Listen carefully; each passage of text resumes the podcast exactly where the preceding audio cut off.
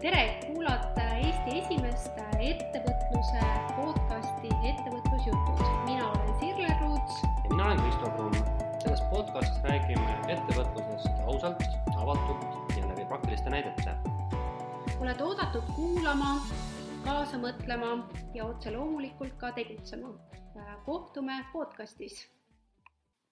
tere, Ettevõtlusjutud siin, mina Sirle. ja Kristo tervitab ka üle pika aja ja vahepeal on suvi vahele jäänud, võtsime Kristoga aja maha, üldse isegi me ei planeerinud, aga kuidagi niimoodi kujunes ja ja nüüd siis sügis käes ja, ja kuna oleme saanud ka väga head tagasisidet, et meie kuulajad ootavad meid taas kord eetrisse, et siis jätkame ettevõtlusjuttude teemal ja täna siis alguses võtame kokku suve, et kuidas siis meil ettevõtjatena suvi möödus ja seejärel räägime majanduse teemal, see, et kuidas see mõjutab ettevõtlust, millega ettevõtjad peaksid arvestama, mis on meie enda valikud ja otsused. et seega ma usun ja loodan, et järgnevad tund aega saab olema väga sisukas ja põnev aga alustame siis, et kuidas Kristo, sul on läinud? jaa, noh, kõigepealt ma ka tervitan kuulajaid ja eks see, ma oleks samamoodi öelnud, et me ei planeerinud mingit niisugust pausi, aga, aga noh, ta juhtub niimoodi ja, ja ma tegelikult ise mõtlen ka, et ma suvel nagu väga ei viitsinudki ka kuulata mingit podcast'i, et pigem niisama hullasin umbes, ma ei tea, spordiväljakul ja rannas. aga mis siis suvel oli, et ma tegin teoks selle, mis ma lubasin kevadel, ma käisin õppimas, aga see õppimise teema ei ole nii ettevõtlusega seotud, see on rohkem nagu koolitamisega et, et ma võib-olla sellest nii palju ei räägikski, aga minu selline üks sihuke, ma ei ütle formaat või sihuke huvi on alati see, et, et ma olen äh, nagu alateadlikult äh, harjunud käima äh, ringi, eriti välisriikides sellise pilgu, et vaadata, kuidas seal äri ja ettevõtlus ja majandus läheb. ja mulle hakkavad siuksed rohkem silma jääma, nii et, et käisin ma päris palju see suvi, oma kaks kuud rendasin ringi mööda Euroopat ja ja nägin, nägin huvitavaid asju, kogesin huvitavaid asju, no ma toon näite ka näiteks, et et ma niisama udu jaoks, et, et ma käisin taas Itaalias, isegi mitu korda käisin Itaalias ja, ja kui ma nüüd teist raksu käisin, siis ma võtsin auto. Ja ma tean juba ette, et, et seal on alati üks hirmus häda sellega, et tohutu autostamine on, et kui nagu meil Eestis räägitakse, meil on ummikud, siis see on täiesti köömes. No vot, ja siis eriti kusjuures ummikud on kiirteedel, et linnas kuidagi nagu pole üldse probleemi, sest et Eh, ilmselt, ilmselt linnas sõita rohkem ühistranspordiga. ja, ja põhiprobleem on just kiirteedel. kujuta nüüd ette, eks ole, või meie kuulaja, kes ei ole käinud Itaalias või üldse Euroopas, et, et on neli rida, ütleme Tallinn-Tartu maantee, meil on siin parimal kaks ja sul on neli rida, siis neli rida on niimoodi, et kaks neist on täis ainult rekkasid või mingeid veoautosid, traktoreid, siis ülejäänud kaks tükki on nagu sõidaautod. siis on niimoodi, et sul võib tekkida sekundiga mingi ummik, mis kestab pool tundi ja siis sina oled siis niisugune eestlaslik, niisugune kärsitu, harjunud, et inimesi on vähe ja siis muudkui siis nagu omaette jorised ja sõimad seal roolis. aga ma hakkasin nagu teistpidi mõtlema, et äh, kui nüüd nagu korraks nagu mõtled teisipidi, et, et mis on selles asjas positiivset, siis äh, ma uurisin järgi, et Itaalias elab lähes vist mingi seitsekümmend miljonit inimest. et äh, niisugune äri käib, niisugune ettevõtlus on ju sa mõtle, kogu aeg midagi toodetakse, midagi veetakse, midagi kuskil vahendatakse et, et see, see on teistpidi näitab, et, et riik on jõukas, et äri käib, jah. et, et alati nagu tasub vaadata ka selle asja nii-öelda selle probleemi nähtuse sisse, et, et ja siis hakkadki vaatama niimoodi seal tee ääres, mis toimub siis, hästi palju on põllumajandust, eks ole, tööstust on palju, et meie mõistes kaubandus on ka palju, aga see kaubandus lahustub nagu teiste äride vahel ära, aga meil, ma nüüd olen, tulin tagasi ja käisin sama pilgu Eestis ringi, siis mis meile tänavalt või noh, see teede äärest jäävad silma, on noh, kauplused, hulgilaod, eks ole, aga mingit tööstust kui sellist on palju-palju vähem. kõik müüvad midagi, aga selleks, et seda, seda asja nagu osta, peab keegi seda tootma või see keegi, kes ostab, peab raha teenima läbi millegi. et ähm, ma saan aru, et väikse riigina võib-olla noh, saab ka teisi äri, ärimudeleid, saabki vahenduse või, või, või, või, või nagu ütleme, kaubanduse peale orienteerida. aga siiski, me oleme ju selline riik, kelle ettevõtlus tahab olla nagu laiapõhjaline et seda tootmist ja tööstust on ikka kole vähe jah. no vot, et ühesõnaga käisin siis palju ringi, vaatasin, eh, sain igasuguseid huvitavaid eh, niisuguseid, jäid silma ühesõnaga huvitavaid asju. et, ehm, et kuidas siis ettevõtlus meil ja mujal või majandus meil ja mujal areneb jah, või, või erineb, ütleme niimoodi mm. -hmm. aga ma küsin sult niisuguse asja, et um, noh, ettevõtlusõppes räägitakse päris palju ärimudelite integreerimisest ja, ja noh, niimoodi, et sa võtad ühe ärimudeli ja paned sinna hoopis teise otsa, onju. aga ma küsin sult nimelt, et sa ütlesid, et sa ei taha, noh, sa ei loo-, ei näe nagu seoseid oma selle õpetaja, kooli ja, ja võib-olla ettevõtluse vahel, aga kui ma kohe sult küsin, et näiteks üks asi, üks mõte, et mida Äh, sa võiksid rakendada või meie äh, kuulajad võiksid rakendada nagu sellest kogemusest, mida sa said seal õppejõuna koolis olles, et näiteks, et äh, ettevõtluses, mida võiks teha mm? -hmm. ma, no ma oskan kohe sulle vastata niimoodi, et kuna ma õppisin seal ähm, sellist asja, et kuidas nagu õppida kaasuste ehk case'ide põhjal, siis näiteks ka ettevõtlusõppes, noh, vaata me kõik, me, me sinuga teeme väga hästi seda ja teab ka ettevõtja, kes on käinud mingitel koolitustel, et mis teile seal õpetatakse. noh, äriplaani koostamist, eks ole, turundust, see on tihtipeale hästi teoreetiline.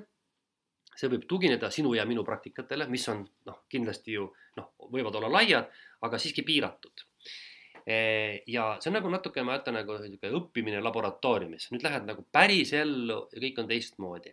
selge, et juhtimist ja ettevõtlust ei saa lõpuni õppida, ilma et seda praktikas ei kasuta. see on täitsa selge, see on, mina ütlen alati, et parim teooria on praktika.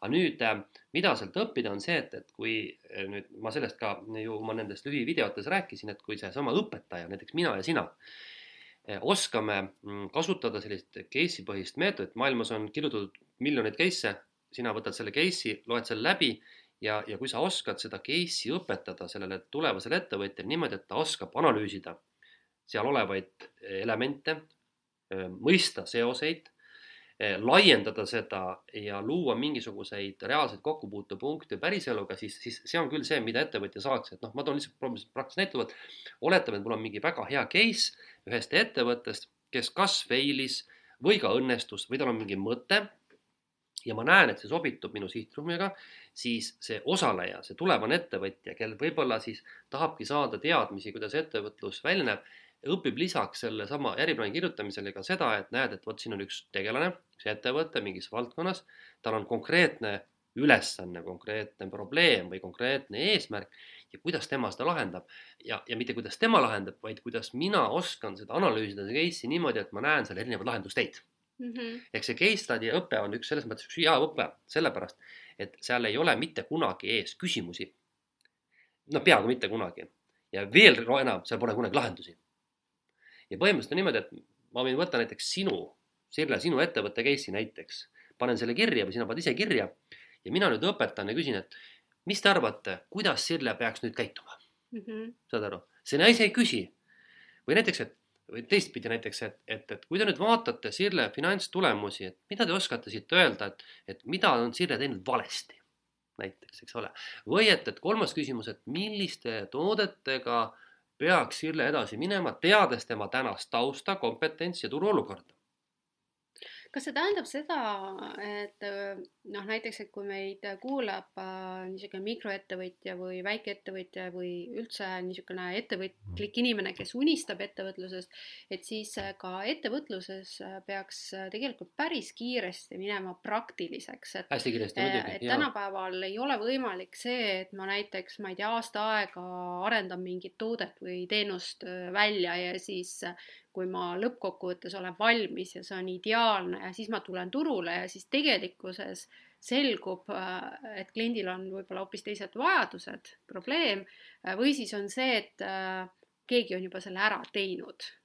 no vaata mm,, tegelikult mina, ma, ma, ma siinkohal siiski utsitaksin inimesi, olles nüüd nagu natukese niimoodi võib, võib julgen isegi öelda, tõusnud mingisugusele järgmisele tasandile selle õpetamise poole pealt et ma näen seda, et, et kui on inimene, kes tunneb, et tal on õppimisest kasu, siis jube äge oleks õppida, näiteks noh, mikrokraade teha, ta ei pea minema täielikult ülikooli.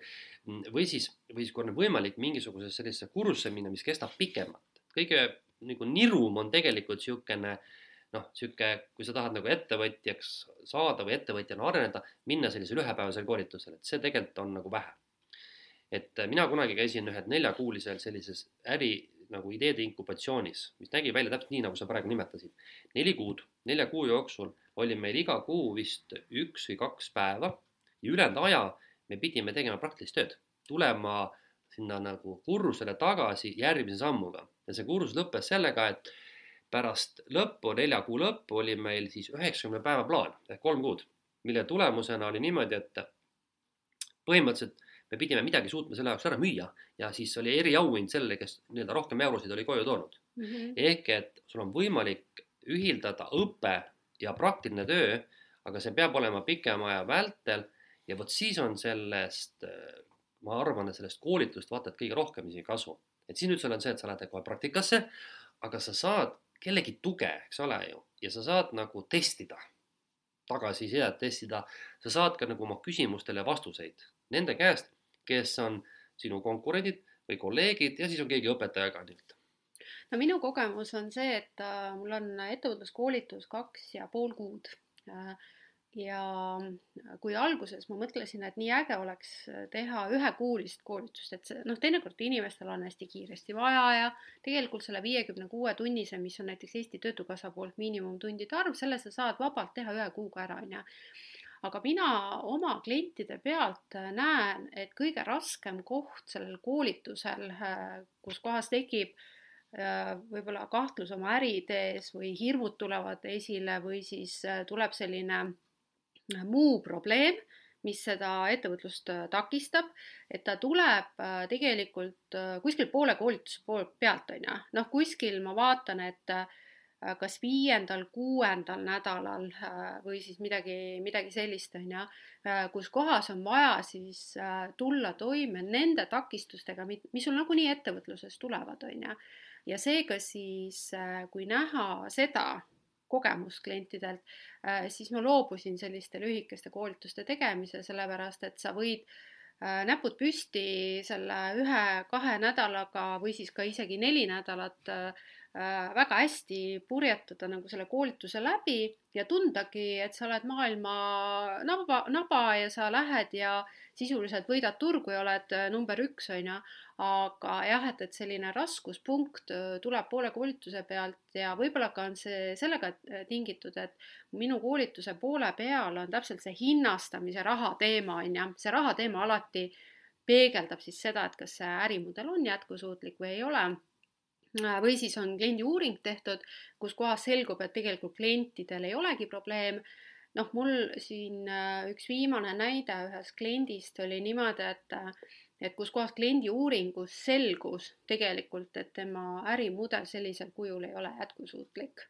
Äh, sellepärast, et ta ei suuda lihtsalt selliseid koge-, noh, koguseid äh, müüa ja toota, on ju ja, ja seega noh, ongi otsustuskoht on, mida siis teha. ma olen nõus, et äh, isegi mitte ainult alustavad, ma julgustan isegi olemasolevaid ettevõtjaid mm, -hmm. ma olen näinud palju inimesi, kellel on midagi tehtud asi on olemas või, või isegi toode või teenus ja ta on midagi proovinud teha, siis ta on kuskile kinni jäänud mm. -hmm.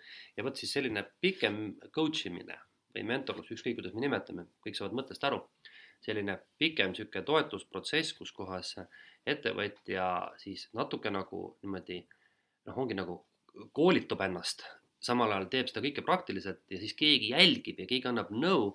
See sobib ju näiteks ka sellele, et, et sa oled alustav ettevõtja, sul on ettevõte ja sa tuled uue tootega turule, täpselt sama nagu sa ütled, turu-uuringud, eks ole mm, -hmm. see kliendi küsitlused, see finantsvaade, see turunduslik testimine, eks ole, et noh, et, et väga hea on ju alati see, et sa teed midagi ära, nüüd keegi ütleb sulle kasvõi noh, kinnitab lausa, et sa tegid õigesti või tegid valesti. ma arvan, et paljudel inimestel on seda vaja. et ma, ma, ma olen täiesti sada protsenti sinuga nõus, et see, see pikem protsess on hästi-hästi äge, hästi oluline ja, ja kõigile ta ei ole vajalik, mõni ei vaja üldse jõupet, täitsa nõus, mõni ettevõtja paneb puusad, aga on küllalt neid, kellel kas kogemust ei ole või kes tahavad, kes tunnetavad, et see on neile hea meetod, hea sobilik mm -hmm. asi Mm -hmm. aga, aga noh, see jah, see on, see minu case study näide oli see, et, et, et kui me räägime sellisest äh, algõppest äh,, siis äh, läbi teiste praktikate on väga hea õppida ja see mm -hmm. õpetab äh,, eelkõige õpetab sulle analüüsivõimekust Äh, ja, ja ta õpetab sulle nende seoste loomise ja siis nende numbrite taha vaatamist. ehk et näiteks ma toon siin näite, mul on üks case, mida ma nüüd siis ilmselt sügisel hakkan õpetama. Ja minu äh, kolleeg siinsamas ülikoolis, kes on seda meetodit juba mitukümmend aastat rakendanud, me rääkisime temaga eelmine nädal tema väga soovitas mul sinna koolitusele minna ja siis ta küsis, et noh, et sa hakkad seda case'i rakendama, et räägi mulle, et kas seal on konks ka või? noh, et, et muidu pole ju huvitav, et konks peab olema. ma ütlesin, et jah, konks on olemas, et näed, ma toon näite, konks on selline, et, et kui sa case'i loed, siis seal on nagu vaja leida nagu mingi otsustusprotsess, et kas ma lähen sinna tegema seda müüma või lähen teist asja müüma. ja nüüd ongi niimoodi, et, et, et, et, et on nagu näide, et üks toode, mida, mille turg on langemas, siis noh, see esimene loogika ütleb kohe, et aga parem läheme siis nende toodetega turule, mis on nõutud, eks ole ju. aga konks seisneb selles, et see turg, mis on langemas, selle rentaablus on seitsekümmend protsenti ja see turg, mida sa tahad minna, on kakskümmend protsenti.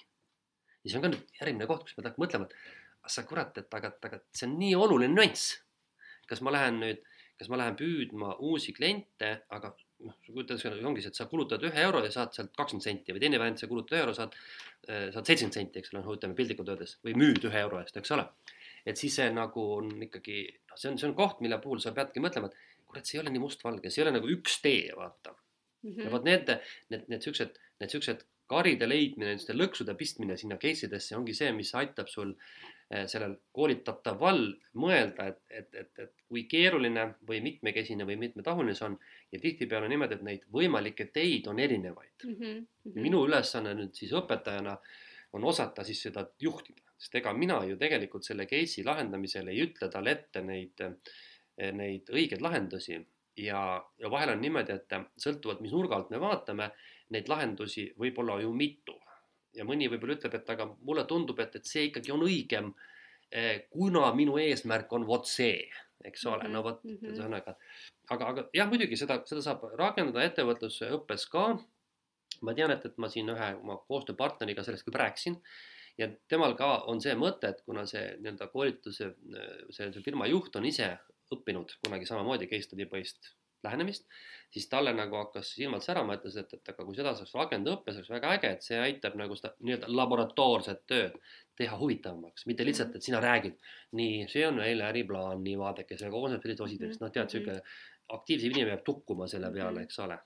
Mõtlen, et me siin ennem arutasime, et järgmine kord me võtame podcast'is teemaks just turuteema, et me võiksime tegelikult tuua uuesti lauale selle äh, küsimuse või selle case study, et äh, kas siis püüda äh, investeerida langevale turule, kus kohas kasumimarginaal on kõrgem või siis hakata arendama uut turgu, kus kohas kasumimarginaal on väiksem, on ju, et mm, -hmm. et tegelikult kuna meie majandus ja turg tegelikult praegu hästi muutub et siis äh, mul on selline sisetunne, et päris paljud äh, ettevõtjad on tegelikult selle küsimuse ees, et see on hästi praktiline. see on tegelikult olnud igihaljas küsimus mm. -hmm. see on igihaljas mm -hmm. küsimus, on ju, sest et äh, langeval turul on samas jällegi turg on sisse töötatud mm, -hmm. on ju mhm. ja uuel turul sa pead hakkama iseennast müüma ja võib-olla tarbijat koolitama ja kõik on õige. Mhm. aga mm -hmm. küsin sinu käest nüüd vahepeal, et mis sina siis suvel tegid, et ma tean umbes, mis sa tegid, vähemalt ma olen näinud juba sinu nii-öelda vägevat turundust, aga räägi ise lahti ka jaa, äh, minu äh, suvi läks ka niimoodi, et ma alguses siin suve alguses tegin otsuse ka puhata, et. Äh, sa tegid selle suve keskel, tead sa, ma nägin jah, kuskil juuni, juulikuus. juulikuus, sest ja, mina ootasin, millal me nüüd hakkame podcast'i tegema, siis teatab mm -hmm. järsku Sirle kuskil barbad olid liivas, et tema nüüd puhkab. mis asja mis asja, Sirle puhkab. jah, ise rääkisid, me pidime kohe tööd hakkama tegema, just, just nii oli ju. ja, ja et mul tekkis vajadus või tunne, et äh, mul on vaja natuke puhata ja ma arvan, et see oli ka tingitud sellest, et äh, ma ikkagi nagu ma olen siin ka jaganud, et äh, mul oli sellisest läbipõlemisest väljatuleku protsess ikkagi äh,. ja noh, mul õnnestus umbes paar nädalat niimoodi võtta hästi rahulikult või isegi kolm nädalat ja siis tegelikult ma hakkasin vaikselt äh, tagasi tulema, aga ma hakkasin tagasi tulema hoopis selliste uute mõtetega ja äh, ja ma arvan, et äh, tänaseks hetkeks ma olen läbipõlemisest taastunud, tänu sellele ma hakkasin hästi palju loovate tegevustega tegelema. nagu näiteks? nagu näiteks äh, minu uus toode, märkmik ettevõtluse planeerija, äh, see sündis tegelikult sellest, et kui ma puhkasin, siis mul tekkis ühel hetkel siis soov hakata noh, tegutsema ja need olemasolevad planeerimise süsteemid nagu ei toetanud seda, sellepärast et ma äh, ju viimased aasta aega olin tegutsenud sellise võib-olla natuke tulekahjude kustutamise või niisuguse operatiivsete tegevuste to-do listi äh, najal, on ju. Ja selleks äh, sobis väga hästi vihik, et ma panin sinna äh, siis kirja, mis mul oli vaja iga päev teha ja ma tegin need väga ilusti ära aga äh, kui mõte, võtta niimoodi, et sa pead hakkama oma ettevõtte tegevusi strateegiliselt planeerima, siis ma avastasin seda, et see ei olnud väga lihtne, sellepärast et see soov sellesse harjumuspärasesse rutiini minna ja tegutseda nagu äh, operatiivsel tasandil see oli hästi suur kiusatus. Äh, ja ma avastasin, et ma tegelikult äh, ei teinud turundustegevusi, mis tegelikult mõjutas seda, et minu e-pood oli passiivne, koolitustele registreerumine oli passiivne äh, ja sisuliselt nagu äri seisis. ja kunagi siis ma lugesin ühte raamatut, kus kohas oli äh, Äh, see, et aja planeerimise üks meetod siis kuuskümmend, kolmkümmend, kümme, äh, et kuuskümmend protsenti peaks minema turundusele, müügile, kolmkümmend protsenti nagu arendusele ja kümme protsenti juhtimisele. ja siis ma hakkasin alguses ähm, seda rakendama äh, ja tegin siis canva.com programmis siis endale sellised töölehed, sest ma ei leidnud tegelikult poest sobivat sellist ettevõtlusele keskendunud märkmikku Äh, ma otsisin inglise keeles kui eesti keeles, aga ei olnud.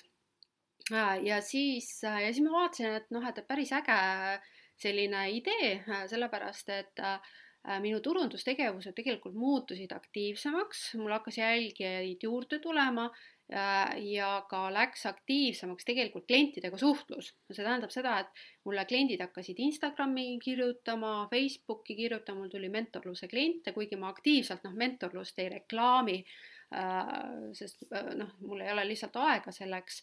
aga, aga jah, et, et äh, see mõju tegelikult tuli kuskil kolme nädala jooksul. et seega et noh, et ma tegelesin sellega niimoodi võib-olla natukene planeerimata, aga noh, mõned ideed või tooted sünnivadki sellest enda probleemist. aga mis siis, mis siis tegelikult juhtus Äh, ma tegin oma ettevõtluses hästi olulise strateegilise äh, nagu muutuse, oli see, et minu plaan oli hakata kirjutama uut raamatut. ja et ma mõtlesin, et ma natuke puhkan, mul oli teema tegelikult olemas, millest äh, ma tahtsin kirjutada. ja siis ma hakkasin tegema niimoodi, nagu ma tegelikult klientidele õpetan, et ma hakkasin analüüsima siis seda raamatute turgu Äh, nii Eestis kui ka siis äh, noh, välja, välismaal. ja, ja ma jõudsin ikkagi selleni, et see turg on niivõrd üleküllustunud, et mul ei ole tegelikult mõtet raamatut kirjutada, ehk siis. see oli äriraamat jaa, see oli ettevõtlusteemaline raamat mm. -hmm Äh, ja ma praegu võib-olla seda teemat niivõrd ei avalda, ma varsti avaldan mm, -hmm. sest ma asendasin tegelikult selle sama teema natuke teise sisuga. see tähendab seda, et ma võtsin selle sama teema, sest ma tean, et see on nagu probleem. ja ma muutsin selle teistpidi äh, või ma muutsin seda hästi oluliselt, et ma ei kirjuta sisu, teksti, sest teksti tegelikult äh, ei loeta noh, võib-olla noh, muidugi ka raamatuid loetakse, aga võib-olla sellist võib-olla ettevõtlusteema ei ole mõtet kirjutada raamatut. noh, mul tekkis nagu selline küsimus, sest turg on üleküllustunud ja ma näen ka raamatute müügiaktiivsus on väiksemaks läinud ja nende toodete aktiivsus on mu e-poes läinud aktiivsemaks, mis on praktilised ja, ja ma tegelikult muutsin seda niimoodi, et mul tuleb nüüd sügisel uus toode välja lisaks sellele märkmikule aga see tuleb sisuliselt harjutuste kogumik, et seal on nelikümmend harjutust, mis toetavad seda ettevõtlust, ma töötasin välja ühe niisuguse uue mudeli teenuse disainist lähtuvalt. ja, ja ta tuleb selline, kus kohas sa teedki harjutusi lihtsalt. ma kohe siinkohal täiendada tohib mm -hmm., see on, see on täpselt minu mõte ma sõltumatult, sõltumatu uurimisinstituudi kaudu olen jõudnud samale tulemusele. ma hakkasin tegelema, äh, kui ma olin seal Sloveenias, hakkasin kuidagi nagu lihtsalt ühelt poolt, et oli nagu aega ja teiseks, et äh, oli ka nagu soov ammu tõesti, hakkasin LinkedIniga rohkem möllama mm. -hmm. ja ma nüüd ja siis mul seal kohapeal ka olid mingid kolleegid välismaised, kes olid, ma panin sinna üles videosid, nad olid hullud fännid, nad ei saanud mitte millestki aru Nad kõik like isid mu videosid aga ma võtsin, nad soovitasid mulle erinevaid tüüpe, kes on siuksed LinkedIni nagu gurud. ja siis ma olen nüüd seal niimoodi, niimoodi pidevalt neid postitusi vaadanud ja seal on täpselt sama lugu, et ma nüüd, ma panen teise kõrvale. ma koolitan ju palju juhtimist ja siukest just nagu seda alustavat juhti ja ma iga mõne aja tagant otsin raamatuid, mida lugeda. üha vähemaks jääb, mida lugeda sest et jutt on sihuke veerev mull, noh, selles mõttes, et Mhm, mhm. üleküllus on. ma olen, võtsin üks hetk, ostsin kuskilt, tead need, mis on need, need Apple'i raamatupoed ja siis tõmbasin, otsisin, surfasin Eestit, no kõikesuguseid asju. noh, tegelikult nagu lehitsen need läbi, no mitte midagi uut ei ole. teine minu Mhm. teema on see inimbränd, eks ole, ma olen nüüd otsinud ka terve hunniku asju, ma pidin minema seda koolitama äh, Hollandisse, aga mul jäi see kahjuks see kursus ära. siis ma otsisin terve portsu, osa raha eest, osa tasuta võtad kümme raamatut, tegelikult sealt nagu võtta ei ole peaaegu enam Mhm. midagi, sest noh, ütleme, et noh, see kõik, mis kirja pandud on nagu noh, tead, aga, aga nüüd ma jõuan sinna, mis sinagi tegid. et kui ma võtan selle LinkedIn näite, siis seal müüb just siuksed mingid tu-tu-tu-tu-tu, vaat siuksed mm. -hmm. töölehed, tee nii, to do it, eks ole. et mis on nagu märksõnad, et, et kui ma nüüd panen ennast nagu mitte koolitaja, vaid selle koolitatava seisukorda, siis ta ei viitsi kah. kui sa ise juba ütled, noh, tead, et nagu noh, need raamatud on siuksed, näed, see räägib sellest, see räägib sellest samast asjast nagu teise nurga alt, siis see ettevõtja lööb käega, ta ei viitsi lugeda Mhm. eriti veel, kui ta on palju lugenud. Aga vot jah, sellised töövihikud ja töölehed või sellised nagu slaidid, sihuke tee see ja, ja sa saad selle ühe minutiga selle kätte. see nagu töötab, ma just toon Mhm. näite sama, kuidas turundada LinkedInis. ma leidsin selle kohta, on, no ma jälgin mingeid kutte seal, kes, kes seda nagu pidevalt panevad üles ja see ongi sihuke, et sa ei pea lugema läbi terve raamatu, kuidas turundada LinkedInis või, või kuidas turundada, ma ei tea, Instagramis, vaid selleks on sul mingisugune üks minut, mingisugune video ja, ja see asendab tihtipeale poolt raamatut. Sest sa tahad kohe hakata proovima. loe seda raamatut viitsi, noh, ühesõnaga, ma olen sinuga täiesti nõus, et raamatu lugemine okei okay,, aga kui sa oled väga palju lugenud, siis üha vähem jääb sul seda, mida sa veel ei tea. jah, sest, sest tegelikult noh, räägitakse ikkagi sageli ikkagi noh, samast teemast erineva nurga alt ja noh, kindlasti kin, iga autor toob nagu Oh oh, jah, oma, oma selle näiteid, jah. näiteid ja oma selle refereeringu äh, sellest, aga, aga jah, et, et äh, ja ma jõudsin tegelikult ikkagi selleni, mille üle ma olen hästi uhke, et ettevõtluskoolitajana ma ju tegelikult õpetan klientidele, et üleküllustunud turul on teatud sellised äh, ohumärgid ja seal peab tegema tegelikult seda äri hoopis teistmoodi. Ja Eesti turg minu arust mikroettevõtjana siseneda üleküllustunud turule, see on mõnes mõttes peaga vastu seina jooksmine ja mõnes mõttes sellist äh, sellise praktilise suuna võtmine, mida tegelikult Eestis veel väga-väga vähesed teevad, on selline niši äh, pool ja tegelikult sul on oluliselt raskem seda toodet luua, sest sa pead mõnes mõttes ise äh, äh, olema selles etapis, et sa suudad seda teksti muuta äh, selleks tööriistaks, just, on just, ju. just praktikaks, et see Jah, ei jää just. lihtsalt, et nagu me teadlasena, meile meeldib teoritiseerida, Jaa. Aga sa kurivaim pead selle oskama panna nagu Just. selleks, et nüüd, aga mida ma teen siis, eks ole. sest äh, kui me räägime sellisest ettevõtluse loogikast, siis ettevõtluses edu saavutad äh, siis ja ma soovitan kõigil oma klienti või noh, kuulajatel ka siin äh, mõelda sellele, et kas sa tead tegelikult, mis su kliendi probleem on ja kas su toode või teenus seda lahendab, on ju. kui see äh, ei lahenda seda probleemi, siis tegelikkuses äh, sa oled kohe kaotanud Mhm, ettevõtjana, on ju. Et seega ma olen hästi võib-olla natuke filosoofilisest äh, vaatenurgast oma ettevõtlusega tegelenud ja noh, tänasel hetkel muidugi sügis on toonud selle, et, äh, et minu töökoormus suureneb ka, ka osalt tänu sinule äh, ülikoolides äh, ja noh, nüüd on muidugi see aja planeerimise väljakutse on hästi-hästi suur.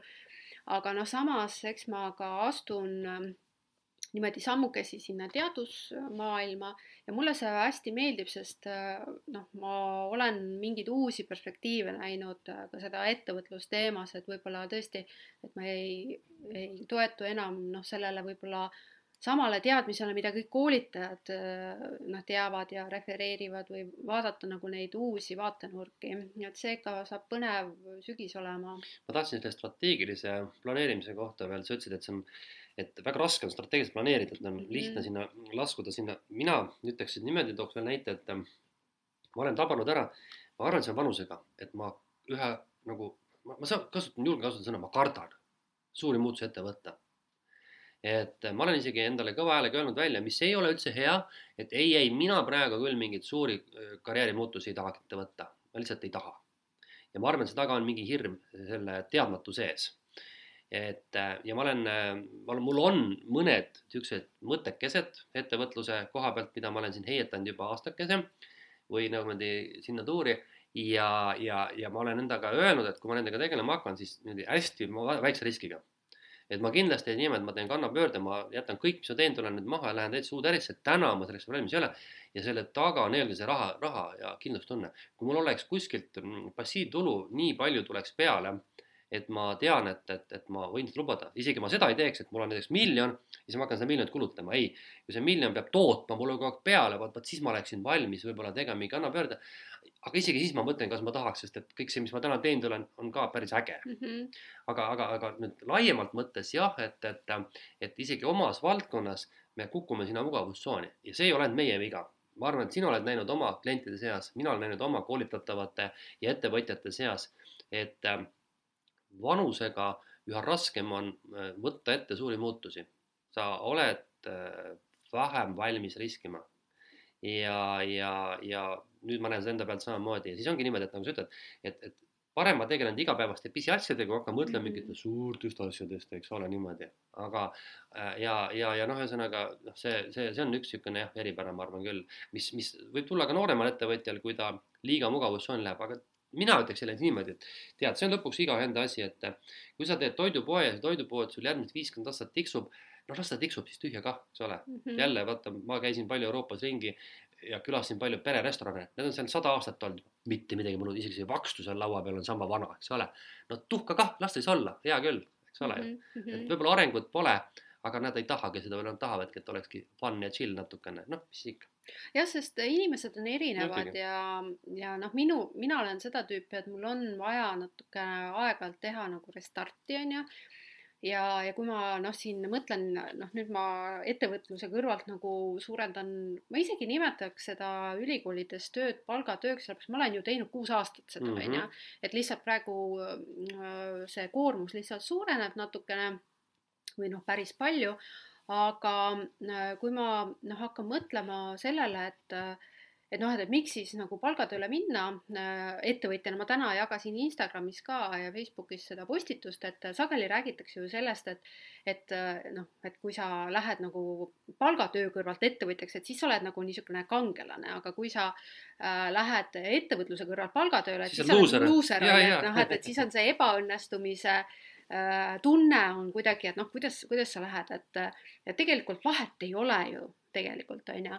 Äh, ja noh, muidugi seal on ka see äh, turvatunne äh, ja rahaline noh, ellujäämine no, või kindlustunne on hästi oluline, aga ma olen nüüd eelmine kord, kui ma läksin panka tööle, siis mul oli raamatupidamisfirma, ma pakkusin raamatupidamisteenust ja siis tegelikkuses ma olin noh, ma olin nii tüdinud sellest äri suunas, kuigi ta toimis mul hästi ja, ja see palgatööle minek tegelikkuses äh, aitas mul selle ära lõpetada. ehk siis teinekord palgatööle minek äh, aitab äh, tegelikult äh, lõpetada midagi, millest sa hoiad kinni, aga mis tegelikkuses sinu motivatsiooni ei toida ja tegelikult sa ei taha seda enam teha, aga noh, kahju on ju loobuda ka oma nii-öelda lapsukesest, on ju mm -hmm aga äh, näiteks praegu, äh, mida ma olen juba kogenud, on see, et, äh, et see nii-öelda ülikoolides teadustöö mahu suurendamine pigem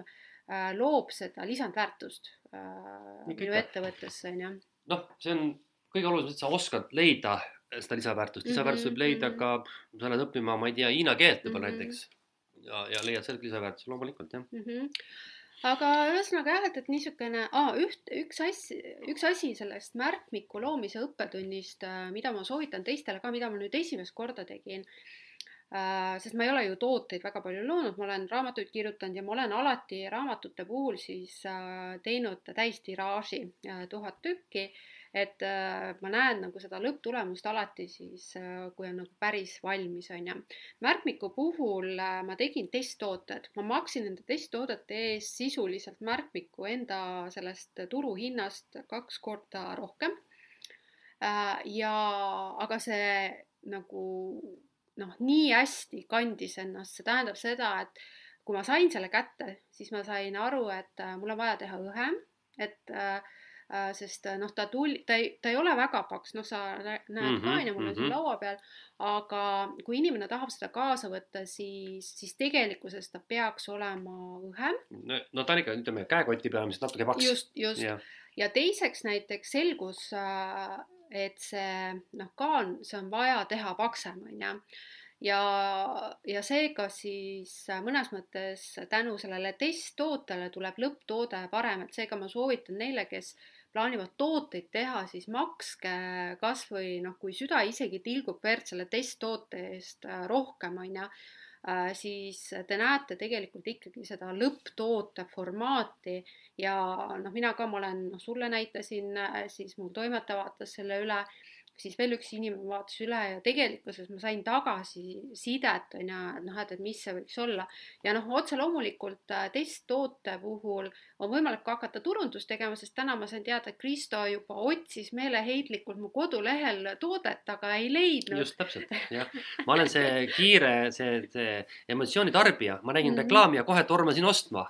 no vot, näed ja, ja praegu jäi võib-olla ost tegemata, eks ole. jah, jah Jah. ja., et, et võib-olla tõesti mm, oleks äh, äh, oleks pidanud äh, jah, seda ajastama võib-olla müügitunnelisse paremini, aga tegelikult see oli teadlik äh, Mhm. see, et, et, et jah, et, et võib-olla natukene ajastada ka neid tegevusi, et, et jah, et, et selle Muuseas- toote müügil see, mis sa tegid, mm. -hmm. see on AIDA mudeli rakendamine. ja, jah mm. -hmm. see oli attention praegu toimus, see oli attention, tähelepanu ja siis tekkis see desire alles, eks ole.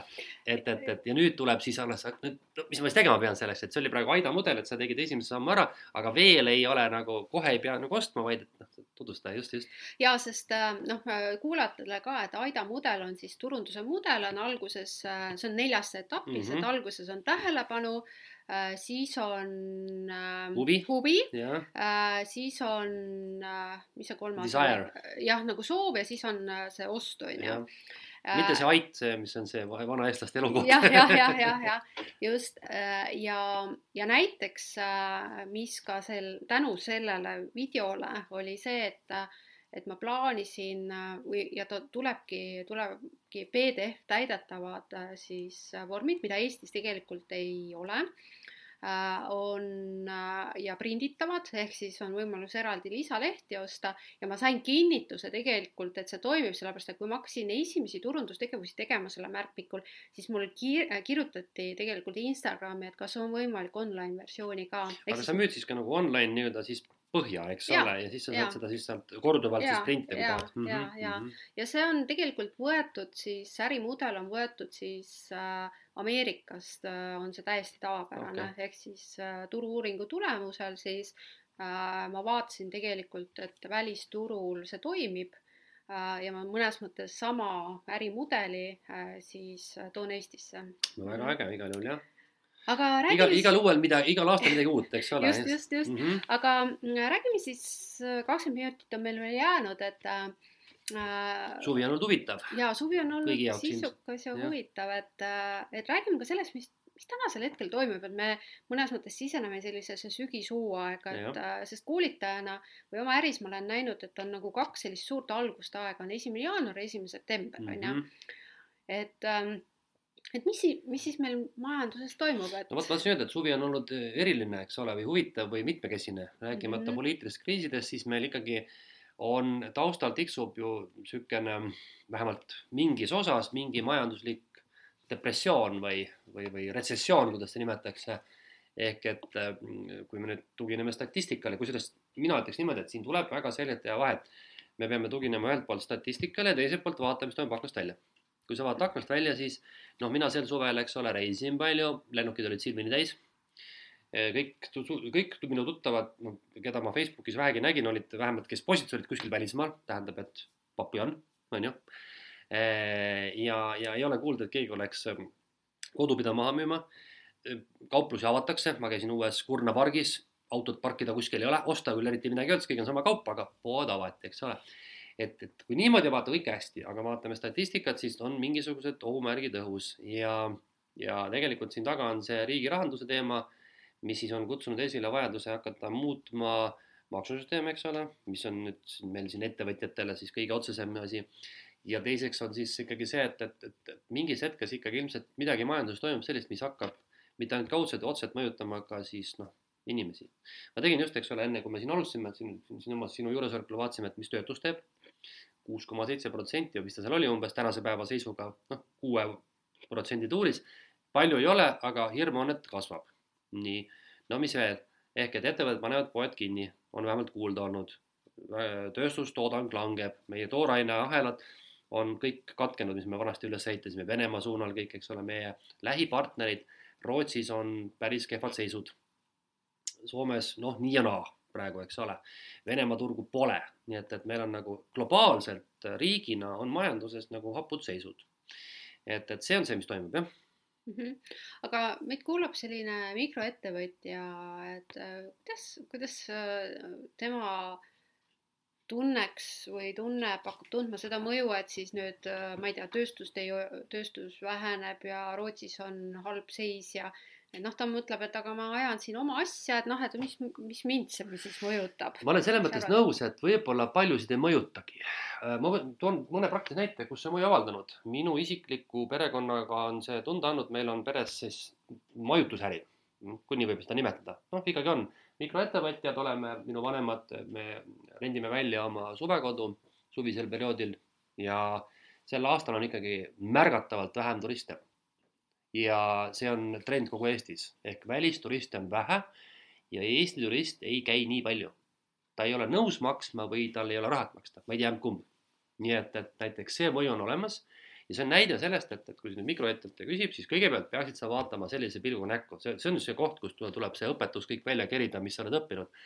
et äh, sa pead suutma analüüsida, kas sina oled sellel turul, kus kohas on nii-öelda, kõigepealt, et mis turuga sa tegeled, mina ütleks niimoodi, et või noh, see pole minu sõnad, on kaks, kaks turgu, on nii-öelda suletud majandus ehk siseturg ja on olemas siis avatud majandus. nüüd turism, mina näiteks, noh, meie pere tegeleb ikkagi avatud turul see tähendab seda, et meil on üle poolte turistidest välismaalased. see tähendab, et sa võistled globaalse turuga. kui Eestisse ei tulda, sellepärast on sõjahirm, siis minnakse teise riiki. järelikult äh, mina pean arvestama sellega, mis toimub globaalselt. Nüüd, kui sa oled äh, sise nii-öelda turule, näiteks ütleme koolitusäris me oleme siseturu tootjad, eks ole, meil ei ole otseselt täna veel väliskliente, minul ei ole, võib-olla sul on ehk et see tähendab seda, et kui kohalik ettevõtja tellib mult teenuse, siis see on siseturg, eks ole, see on sisevajadus. nüüd ka siin tuleb ju vaadata kaugemale, sa pead vaatama, et kes sinu kliendid täna on ja, ja, ja milleks nad teenust tellivad, seda koolitust ja kuidas nende äril läheb. ja nüüd on jälle see, et vaata, meil on sinuga ja paljudel on selline natukene nagu turvapadi, kui sinu tellijaks on riik. või sinu tellimine käib noh, nii-öelda eurorahade peal. no eks, et kui sa võtad meie töötu, töötukassa baasilt tellitavad koolitused siis see on nüüd nii-öelda eh, riigi või euroraha peal, noh, ta on eks ole riigi raha peal, aga sinna tulevad juurde ka need euroraha koolitused. eks see tähendab seda, et nad, see on nagu mõnes mõttes niisugune turg, mis kohe ära ei kuku. aga kui sul on kliendiks ettevõte, kes näiteks otsib koolitusi müügi või kliendinduse alal ja nüüd temal jäävad nagu ärid ära, siis ta ju cancel dab kohe selle koolituse, eks ole. kui sa oled äh, inimene, kes müüb äh, piima, leiba, saia, vorsti, juustu, ütleme külapoes siis võib-olla see ei olegi eriline mingi probleem, kui majanduslangus on, sest piima, leiba, saia ostab igaüks. aga kui sa müüd seda toorainet nagu teisriiki, siis on probleem. Kui sa müüd seda toorainet ettevõttele, kes omakorda müüb seda teise riiki, on ka probleem. et vot see on see koht, kus kohas see väikeettevõtja või mikroettevõtja peaks oskama nüüd analüüsida, et kus kohas asub tema selles suures külas. ja nüüd et, et kuidas need mõjud temani jõuavad, kas nad jõuavad, kas nad on otsemõjud, on nad kaudsed mõjud ja, ja, ja noh, ühesõnaga kõigepealt selle pildi selgeks tegema. nüüd järgmine küsimus, et mis siis teha? no võtame näiteks sama nüüd selle majutusbusinessi, siis kui me nüüd näiteks oletame, kujutame ette, et meil täna olukord jääbki järgmise viie aastaks niimoodi või me ei näe seda nii-öelda tunneli otsast valgust, et siis on nüüd kaks varianti, et kas me nagu kõigest hingest punitame edasi, võib-olla teeme mingeid muudatusi, noh, proovime seal no ma ei tea, minna ilmselt odava hinna peale või püüda mingeid rohkem kohalikke kliente või teine variant on siis noh, ikkagi ärimudeli muutus. noh, näiteks ütleme, et ma ei tea, et meil täna oletame, et meil on seal turismitalu, me saaksime pakkuda veel mingeid teenuseid. ma ei tea, seal ütleme mingid paadimatkad, seminarid, mis iganes, eks ole. et, äh, et see on see niisuguse, need on sammud jah, mis, mis kõigepealt sa peaks kohe vaatama. aga ärimudeli muutus noh, sellises äh, kontekstis tähendab või eeldab ka mõningaid mm, investeeringuid on ju. ja mõningaid väga palju, eks ole. just ja, ja seega siis võibki olla ettevõtja selles olukorras, kus kohas Äh, mõnes mõttes on vaja nagu ärimudelit muuta, aga investeeringuid ei ole ja seega siis äh, ongi ainuke võimalus äh, siis nii-öelda pood kinni panna. no paljuski jah. teine asi, mida ma mõtlesin, ma küsin sinu käest kohe mm, -hmm. on see, et, et, et see on nüüd üks asi nagu ärimudeli muutus, aga teine on see, mis kindlasti meil oleks ka vestluses üles tulnud, et kuidas need nüüd planeeritavad siin ja osaliselt juba rakendunud maksumuudatused mõjutavad ettevõtlust ja üks asi, mis mul alati käib peas ja ma arvan, et siin ongi nüüd vahe sees et kui räägitakse, et, et, et ettevõtjaid kohutavalt häirib see, kui on ebakindlus maksude osas, kui on ebakindlus niisugustes poliitilistes otsustes, et, et õudselt ettevõtjad ei investeeri ja kardavad ja, ja, ja, ja ütleme, on ettevaatlikud, kui kogu aeg toimub selline poliitiline nagu niisugune hektiline liikumine. et mina küsin sinu käest praegu nüüd, et kuidas nagu kas ja kuidas ja mis sa siis teed või ei tee, sind mõjutavad need, noh, käibemaks tõuseb, ei tõuse, automaks tuleb, ei tule, see tuleb, ei tule. kuidas sina tunnetad oma äris seda mõju ja kui sa tunnetad, mis sa siis teed nüüd? no enda äris äh, ma tegelikult äh, olen tunnetanud seda mõju, et turg on ära äh, kadunud, on ju, näiteks raamatupoed loobusid laojääkidest, et ja mina mina omakorda siis otsustasin, mul oli muidu raamatud olid äh, siis äh, trükikoja raamatulaos äh,, seal siis kui hakkas see kriis mõnes mõttes või noh, majanduslangus siis muidu mul olid tasuta, aga siis nemad ka rakendasid selle tasu. hoidmistasu. jah, hoidmistasu on ju ja mis oli minu tegevus, noh, mis tegelikult sellise kriisi puhul on, mis mina rakendasin, oli see, et ma tõmbasin oma kulud hästi miinimumini ja noh, raamatupoed loobusid tegelikult oma laojääkidest, nad äh, ja nad ütlesid, ma küsisin ka neilt, et kuidas see raamatumüük äh, läheb üldiselt, siis nad ütlesid, et väga oluline langus on toimunud raamatute müügil, millest tulenevalt siis ähm, mm, mina siis tegin noh, ka selle otsuse, et ma sain turult tegelikult Eestis on kaks suurt raamatumüügiketti Äh, sain infot, et tegu äh, noh, turg ei toimi, et seega mul ei ole mõtet sinna nagu toota peale, on ju. et seega noh, see mõju, see kriisi mõju mõnes mõttes või majanduslanguse mõju äh, on teinud minu juhtimisotsuseid selliseid, et ma olen tegelikult vähendanud kulusid Äh, siis noh, teiseks äh, kui mõtlen, et ma pean nüüd oma ettevõtte kohe-kohe uuesti käibemaksukohustuslaseks äh, võtma äh,, Äh, siis mõnes mõttes natukene on meelehärm, et tegelikult nende muudatuste valguses oleks võinud äh, siis riik ikkagi teha seda, et mikroettevõtete see käibemaksu määr või see, millal sa pead, jah, tase, et mhm. seda oleks võinud tegelikult suurendada kuni saja tuhande euroni. Äh, sellepärast et see suurendab äh, esiteks ettevõtete halduskoormust ja noh, keskmine konkurentsivõime ikkagi. jah, et ja. keskmine selline mikroettevõtja tegelikult äh, ju noh, ta palkab raamatupidaja, kes siis seda kõike arvestab, see tähendab, raamatupidamisteenus tõuseb nagunii, on ju, sest mul ka mingid muud teenused on tõusnud, kuigi ma ise teen endale raamatupidamist, aga ma vaatan, et tegelikult kõik teenuse hinnad on tõusnud, on ju Äh, mis siis tähendab seda, et tegelikult oleks võinud äh, riigi poolt olla see, et, äh, et noh, tõesti, et las need siis mikroettevõtjad pigem nagu selle raha suunavad kas tõesti oma toote-teenuse arendusse või siis maksavad endale palka, sest palgakulud ka ju tõusevad, on ju.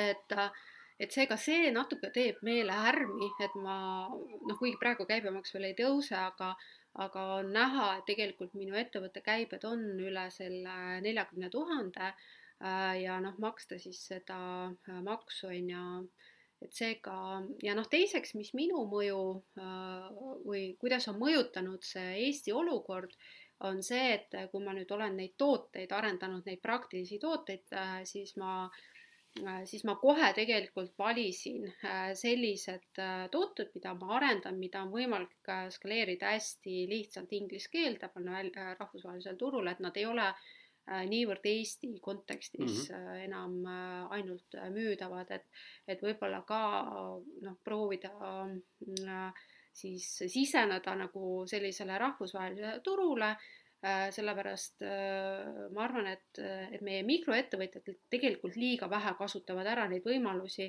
et meil on tegelikult teenuse digitaliseerimine, toodete digitaliseerimine ja hästi lihtne on tegelikult ähm, äh, noh, nagu mängida rahvusvahelisel turul, kuigi noh, mul kogemus praegu puudub, seal on ka konkurents hästi tihe ja keegi sind sinna ei oota.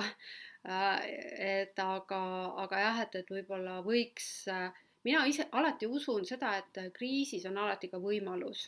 Äh, ehk siis, äh, ehk siis mina soovitan kuulajatele mõelda äh, seda, et kriis kindlasti mõjutab meid igat ühte, et mis on see minu võimalus selles kriisis võib-olla on tõesti see palgatööle minek, sest kuna mul on kohustused suuremad alates eelmisest aastast, kuna ma rent-, noh, ostsin endale kinnisvara et siis, äh, siis ka palgatööle minek on tegelikult üks äh, noh, plaan B on ju, et äkki ei tulegi koolitusi on ju. muidugi, jah. et jah. ma ise mm, mõtlesin veel, mina kommenteeriks niimoodi sedasama iseenda küsimust, et, et noh, vaata praegu räägitakse sellest, et, et noh, palgakulud kasvavad ja siis käibemaks kasvab ja automaksud kasvavad et ma saangi aru, et noh, suurettevõtja, kellel on need kulude kasv, noh, ei ole mitte niisugune kümme eurot, vaid, vaid kümme tuhat eurot võib-olla, eks ole, kuus. et tema puhul see võibki olla nagu ikkagi märkimisväärne halduskoormus, kulukoormus ja maksukoormus, eh, siis väike või mikroettevõtjal tegelikult ühelt poolt noh, see on, see küll tõstab kulusid, aga see tegelikult on nagu sihuke, et sul ei ole mitte midagi teha kah mm -hmm. paljuski, eks ole ju. et, et eh, ma tahaks just öelda seda, et et kui me räägime sellest või kui räägitakse sellest, et kuidas nagu see riigi selline majanduspoliitiliste otsuste selline hektilisus mõjutab ettevõtjaid negatiivses suunas, ma ütleks, et ta mõjutab pigem rohkem keskmisi ja suurisi ettevõtteid. mikrodel, kuna mikro on niikuinii nii teistsugune ärimudel see on nii teistsugune ärimudel, me kõik teame, et Migro ei maksa endale korralikku palka. Migro kasutab ettevõtet selleks, et osa kulusid kanda maksuvabalt, eks, et tal on hoopis teine nagu finants ja tegevusmudel.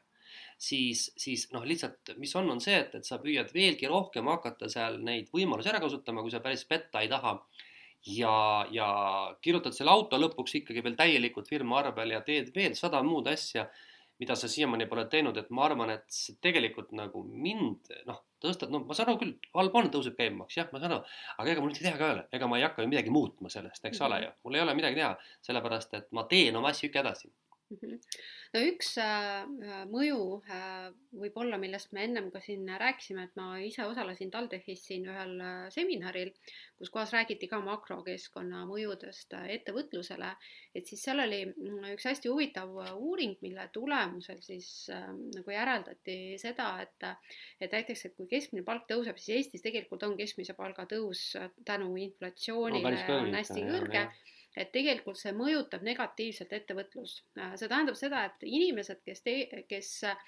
on ettevõtlikud, kes on näiteks keskastme juhid, spetsialistid, nende äh, see palgatöötajana väärtus ja selle eest makstav tasu äh, on palju kõrgem, kui nad tegelikkuses saavad teenuse hinnana küsida ettevõtluses ja niisugustes olukordades on see, et äh, mida me näeme võib-olla heaoluriikides, et ettevõtlusega tegelevad tegelikult sellised ähm, noh, inimesed, kellel palk palgatööl ei ole väga kõrget konkurentsivõimet, on ju, noh näiteks välismaalased, kes tulevad Eestisse äh, või siis sellised lihttöö tegijad, kes siis äh, müüvad, müüvad oma teenust, noh näiteks ma siin vaatasin oma selle piirkonna grupis, on ju, noh, need, kes on Eestisse tulnud, välismaalased on ju, ma noh, ei hakka nimetama, kes on ju või mis rahvusest, et siis nad pakuvad juuksuriteenust ja selle hind, kui mina maksan oma juuksurile kuuskümmend eurot, siis seal oli kümme eurot. oli, oli see teenuse hind on ju ja ehk siis, äh, ehk siis tegelikkuses pikas perspektiivis hakkab mõjutama seda Eesti nagu ettevõtluskeskkonda. vaata, siin on muidugi mitu asja, kõigepealt esiteks, et sa praegu äh, tõid näite kinnituseks ühele üldisele levinud äh, statistikale, mis ütleb, et rohkem on ettevõtjaid vaestes riikides mm. -hmm. ja mida jõukam riik, seda vähem on ettevõtlus tegelikult endiselt sama asja pärast, mis sa ütlesid, kui keskmine palk nii kõrge, siis miks ma lähen ettevõtjaks, on ju mm. miks ma võtan seda riske, miks ma jända, mis asja, mulle makstakse korralikku palka, mul on sotsiaalsed garantiid on väga kõvad, eks ole ju, ja ma ei teegi ettevõtet. nüüd teine asi on see, et tegelikult ma arvan, ma ei tea, aga ma arvan, kui me vaatame suurt pilti, siis Eestis tervikuna, kui, kui, kui sa oled nüüd, oletame, et sa oled nüüd riigiametnik, poliitik, kes ise ei ole ettevõtja ja sa vaatad numbreid, sa ei lähe ju iga jumala ettevõtja juurde küsima ja sa ei ole selles vares, siis numbrid ütlevad mida, meil on äh, äriregistris on kokku üle kolmesaja tuhande äriühingu. Äh, me sinuga oleme avaandmete kasutajad, seal on umbes sada seitsekümmend tuhat äriühingut, mis on, tegutsevad aktiivselt. See number on nii suur selle, et see kümme ära jäävat, see ei huvita mitte kedagi tegelikult mm. -hmm. oleks meil kohutavalt vähe ettevõtjaid, oleks probleem, see ei ole täna probleem. seetõttu see, see, et nüüd jääb ettevõtted sellepärast sündimata, see globaalses pildis täna ei ole mingi probleem ja ma arvan, et, et noh, see tegelikult ei morenda mm. -hmm. me, me, ütleme, ma tahan öelda seda, me ei pea täna ettevõtlust päästma Eestis meil on küllalt kõvasti ettevõtjaid ja isegi neid tuleb kogu aeg juurde ja see on riigile probleem, sellepärast et äh, inimesed hakkavad tegema seda, mida me sinuga oleme teinud, et me töötame palgatöötajana, siis me teeme ettevõtlust ja selles ettevõtluses meil on tulumudel ja maksumudel teistsugune ja kui me selle raha teeniksime palgatöötajana, saaks riik need maksud kätte, nüüd tal jääb osa maksu saamata, nüüd ta nuputab, kuidas hoopis seda poolt maksuda. ja me teame, seda probleem on selle sotsiaalse ravikindlustusega, kus kohas inimesed teevad seda erinevalt, eks ole ju Eh, ja seetõttu riik täna näebki, et ta peab hakkama maksustama dividende ja jumal teab veel mida, sellepärast et sest et inimesed liiguvad sellest klassikalisest palgatööst rohkem ettevõtlusesse, kuna võimalusi nii palju, digitaliseerimine ja kõik mis iganes. et pigem täna mina ütlen, et, et Eestis ei pea ettevõtlust päästma. ja, ja pigem küsimus on selles, et kuidas seda rohkem maksustada, see on see täna tegelikult riigi küsimus noh, riigi poolt jah, et, et kui võtta nagu tänast olukorda, aga noh, äh, noh, riigi roll on tegelikult alati vaata pikaajaliselt nagu ka ette, on ju, ja no kuigi jah, Eestis võib-olla tänasel hetkel väga strateegiliselt riigi äh, riigi näol nagu ei vaadata asju, see on minu subjektiivne arvamus. minul ka, mina ammu, mina ei ole, mina ei mäleta ja, ammu enam, et meil üldse midagi strateegilist vaadatakse. jah, et, et on noh, pigem nagu keskendutud äh, nagu operatiivsel tasandil, millest me täna alustasime, et operatiivsete probleemide lahendamisele et äh, seega siis, äh, aga jah, et, et see oht võib olla, noh muidugi see ettevõtluspilt võib minna praegu kreeni, sellepärast et Äh, ju oli siin eelmisel nädalal vist uudis, et äh, kuna majandusaasta aruanded on esitamata, siis üheksakümmend tuhat ettevõtet äh, hakatakse siis kustutama, onju. Mhm, et ma loodan, et meie kuulajatest ei ole keegi, kes siis äh, selles usu mind on..., keegi kindlasti avastab, et aa, sihuke asi on ka vaja teha mm. -hmm. jah, Facebookis ühes grupis just keegi äh, seal ütles, et ettevõte kustutati ära, aga sinna jäid mingid rahad. so, vahi et jah, et, et äh, võib ka niimoodi olla, et äh, näiteks ühel hetkel avastad, et äh, sa saad oma pangakontole ligi ainult läbi selle, et sa pead kohtusse minema mm. -hmm. see on mm -hmm. küll halb lugu, jah. aga nüüd on tund aega läinud linnutiivul, et kuna me ei ole Kristoga siis ettevõtlusjuttude teemal nüüd kolm kuud sisuliselt rääkinud, et siis, ähm, siis aeg läks küll väga-väga muidu me räägiks liiga palju täna ära. jah, jah, just. Nende tegemiskonnas ka, jaa. -hmm, aga on sul niimoodi lõpetuseks äh, meie kuulajatele äh, midagi öelda? noh, ma, ma arvan niimoodi, et ma võtaks siis nagu pool filosoofiliselt kokku, ütleks niimoodi, et, et, et see, et nüüd ettevõtluses midagi halvasti on, kindlasti ei ole teiselt poolt ajad muutuvad niikuinii kogu aeg, et, et, et mitte midagi ettevõtluses ja äris ja majanduses ei ole nii püsivat, et, et me ei räägi elanikkonnast, kus me teame ette, et tegelikult me teame ette, palju elab inimesi aastas kaks tuhat viiskümmend Eestis, seda me teame ette, sest seda saab nii hästi mõõta. aga me ei tea, mis toimub ettevõttes aastal kaks tuhat viiskümmend. nii et ühesõnaga, et ettevõtja kui ta tahab olla ettevõtja, ta arvab, et see on tema jaoks tore tegevus, siis ta peab arvestama kogu aeg muutuvate oludega, on see siis riigi maksupoliitika, konkurentsipoliitika, sõjad või kliima. nii et noh, tähendab, tulebki hoida silmad lahti ja, ja ma olen ikka seda meelt, et, et ettevõtlus on selline valdkond, et mitte kunagi ei saa öelda, et et see on õigete tegevused, need on valed tegevused ja, ja et nüüd ära sellega üldse tegele, tegele ainult sellega, et jumal, inimesed tegelevad imeasjadega raha teenimiseks ja kui on turg, on kliendid ja kui on nõudlus, siis anna tuld jah, ja mina. ei maksa muretseda, ühesõnaga. just, ja mina enda kogemusest äh, äh, soovitan tegelikult, äh, kui on sellised ebakindlad ajad või kriisid või muutused, et äh, ja muutuste puhul eriti on vaja tegelikult tunda oma seda tegevusvaldkonda, seda ärikeskkonda, mida võib-olla tavajuhtudel väga palju ei vaadata Äh, ja vaadata sealt neid äh, ikkagi võimalusi, mitte keskenduda puudustele ja takistustele, vaid, äh, vaid leida neid võimalusi. ja, ja ma arvan, et see võib tuua mingi täiesti uue suuna siis ettevõtlusesse. ja jah, et ja õigeid-valesid vastuseid ei ole. ei olegi, mina ütlen alati, et ei ole jah, ei ole, just mm, -hmm. aga aga siis. aitäh kuulamast, esimene, üle, üle hulga aja. just, aitäh kuulamast ja järgmisel nädal või järgmisel korral siis äh, uute siis ettevõtlusjuttudega. just